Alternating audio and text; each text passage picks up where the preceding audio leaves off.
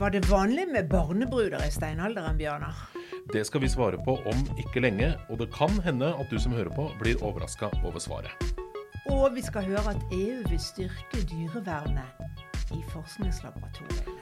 EU vil nemlig at langt færre forsøksdyr skal leve og lide for vår og forskningens skyld. Og så skal du få flere gode grunner til å legge all skismøring med fluor på hyllen. Dette er Forskningspodden. Jeg heter Anne Sundevåg, og med meg her i studio i forskning.no er som vanlig redaksjonssjef Bjørnar Kjensli. Vi begynner i Strasbourg, i Europaparlamentet, der EUs lovgivere samles. For nå vil de komme de hvite gnagerne i forskningslaboratoriene rundt i Europa til unnsetning. De vil kraftig redusere på bruken av forsøksdyr i forskningen. Og det skal de få til ved at EU lager en handlingsplan med ambisiøse, men oppnåelige mål, som de sier, for å få ned antall hvite mus og andre dyr som ofres på forskningens alter.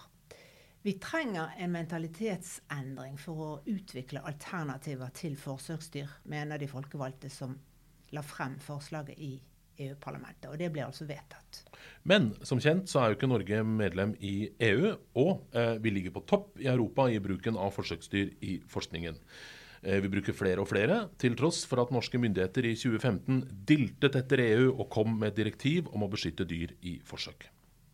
I fjor så brukte forskere i Norge 2,2 millioner forsøksdyr. Det er helt utrolig mange.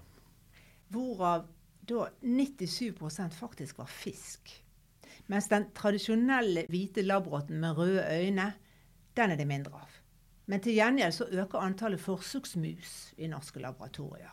I fjor forbrukte forskerne 50 000 mus.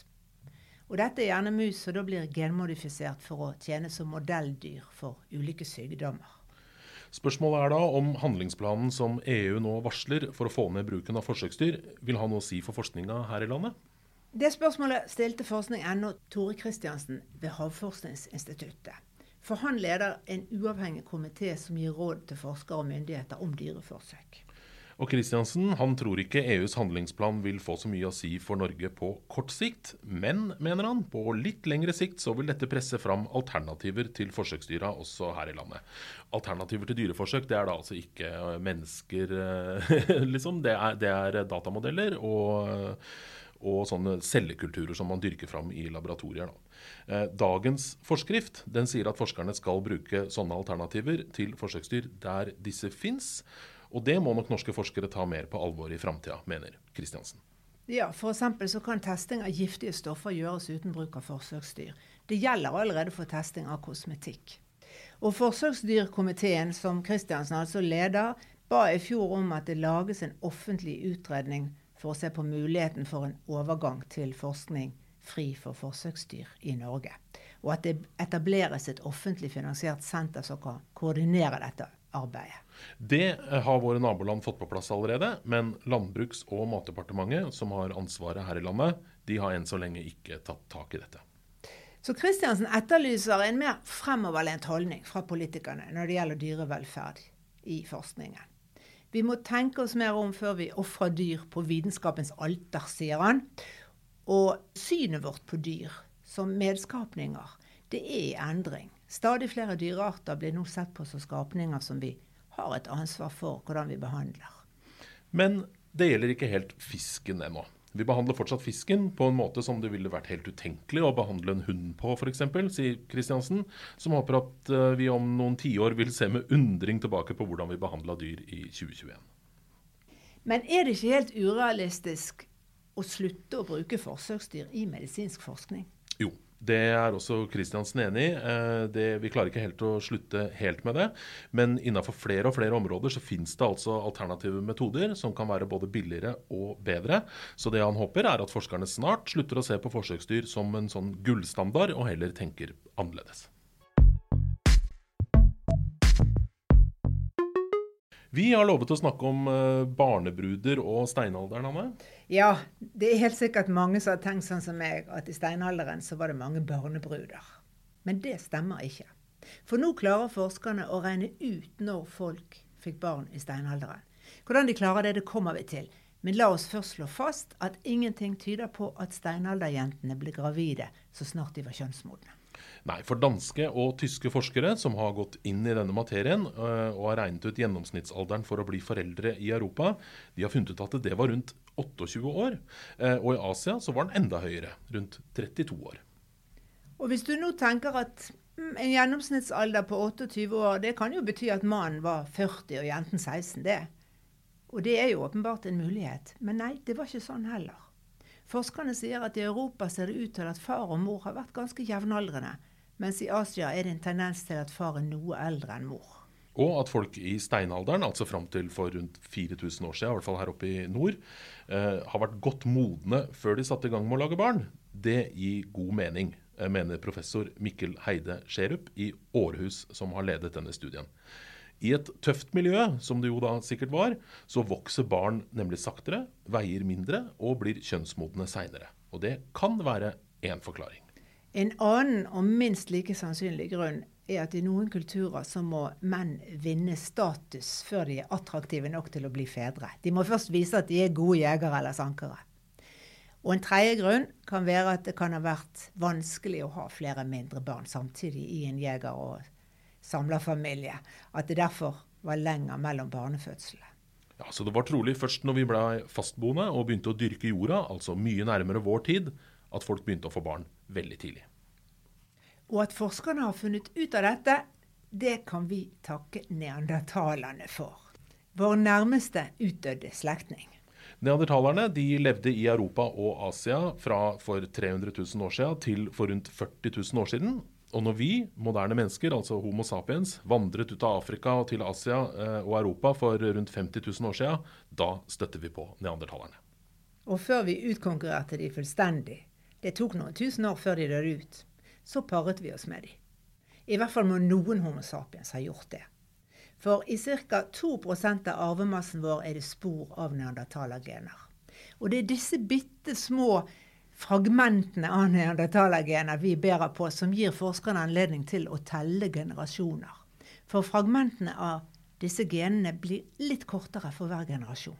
Sånn regner man seg altså fram til hvor mange generasjoner det er siden moderne mennesker og neandertalerne hadde seg med hverandre.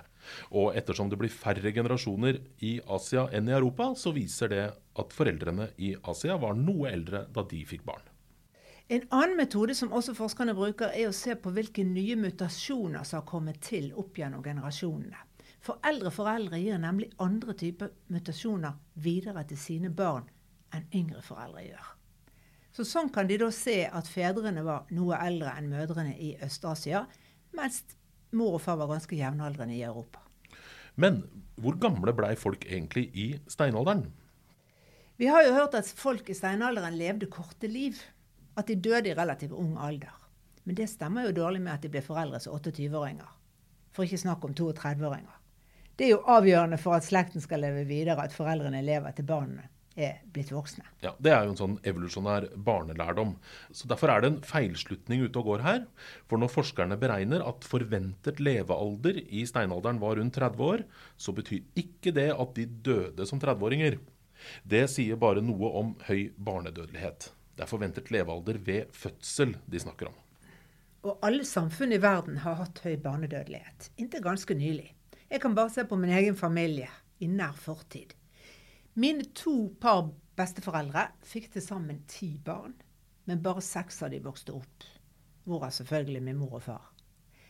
Men fire døde da som spedbarn. Og det betyr at mine foreldre ved fødsel hadde en ganske lav forventet levealder. Men min far han ble 91. Og hvis vi da ser på steinaldersamfunnet Hvis det da var f.eks. fire barn i en søskenflokk, og to av de døde før de fylte året, og de to andre levde til ja, rundt 70 år, så har de alle ved fødsel en forventet levealder på 35 år. Ja, Så dette med forventet levealder i eh, sånne samfunn da, hvor barnedødeligheten er høy, det blir veldig misvisende. Og Det samme gjelder isolerte urfolk i dag.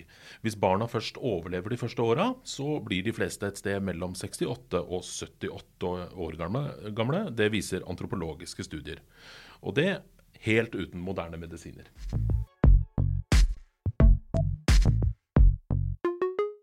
Skisesongen nærmer seg, og da roper forskerne varsku. Vi må legge fluorholdig skismørning og glider på hyllen for godt.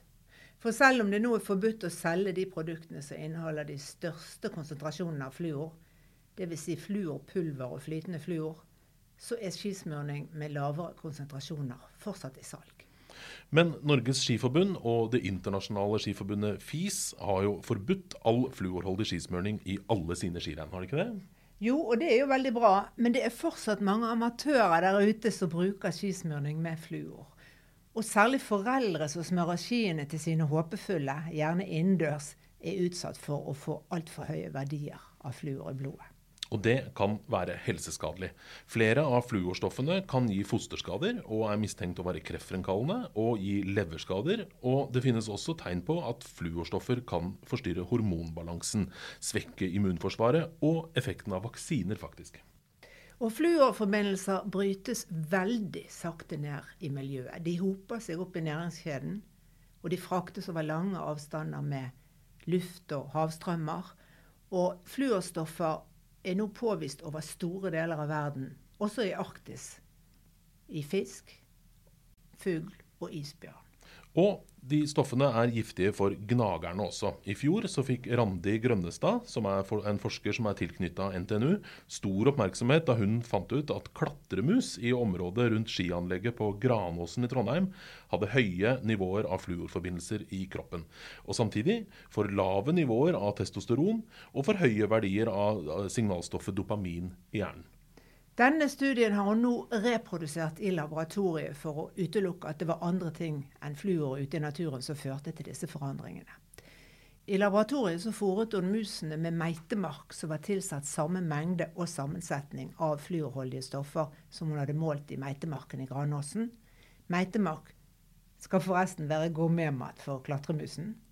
ja, for hun hadde også en kontrollgruppe som var eh, kanskje av den mer hellige sorten, da, som fikk meitemark som ikke var forurensa med fluor. Og etter ti uker så fant hun ut at de musene som hadde fått meitemark med fluor i seg, de skilte ut for mye dopamin i hjernen, og det kan føre til atferdsforstyrrelser. Men hun fant ingen forskjell i testosteronnivåene, sånn som hun fant i, hos musene i naturen. Men derimot så fant hun ut at hannemusene fra den fluoreksponerte gruppen hadde forstørret lever og endringer i fettsammensetningen i leveren. Og leveren er jo et kjent mål for giftstoffer, for leveren skal jo bryte giften ned. Og det fins også andre studier som tyder på at hannkjønn er mer sensitive for virkningene av fluor. Rett og slett fordi de spiser mer enn hundene. Du kan altså fortsatt kjøpe skismurning med fluor i butikkene. Det er bare de produktene med de aller høyeste nivåene som har blitt forbudt. Men det er altså gode grunner til å la være. Og den gode nyheten er at EU har som mål å fase ut all fluorholdig skismøring, og da vil det også skje i Norge. Etter hvert. Til beste for skismørere, klatremus, isbjørn og mange andre. Forskningspodden er laget for forskning.no av Anne Synnevåg og Bjørnar Kjensli. Takk for at du hører på.